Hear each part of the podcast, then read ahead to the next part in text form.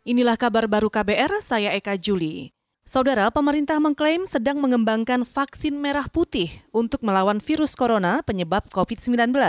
Uji coba vaksin direncanakan segera selesai dan hasilnya diharapkan bisa didapat tahun depan.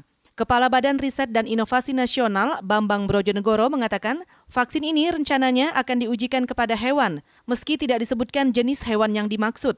Sebelumnya, pemerintah memasang target untuk membuat vaksin sendiri untuk melawan pandemi corona. Menteri Kesehatan Terawan Agus Putranto mengatakan pencarian vaksin dilakukan di dalam dan luar negeri. Di dalam negeri, Indonesia membentuk konsorsium yang terdiri dari Lembaga Biologi Eijkman, Badan Penelitian dan Pengembangan Kesehatan atau Balitbangkes, milik Kementerian Kesehatan, perusahaan farmasi Bio Farma, dan Universitas Airlangga. Sementara di luar negeri, Indonesia menggandeng sejumlah perusahaan asing.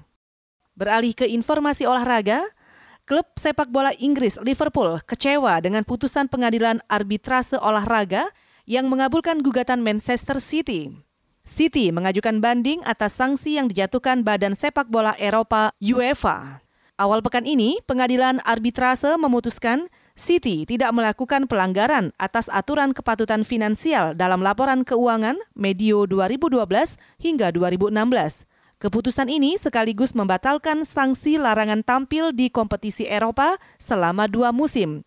Kendati demikian, pengadilan menjatuhkan hukuman denda kepada City karena bersikap non-kooperatif selama masa penyelidikan. Menanggapi itu, manajer Liverpool, Jurgen Klopp, menilai keputusan arbitrase itu merugikan dunia sepak bola. Klopp beralasan, kerangka kepatutan finansial yang saat ini berlaku dianggap tidak cukup adil. Saudara, demikian kabar baru. Saya Eka Juli.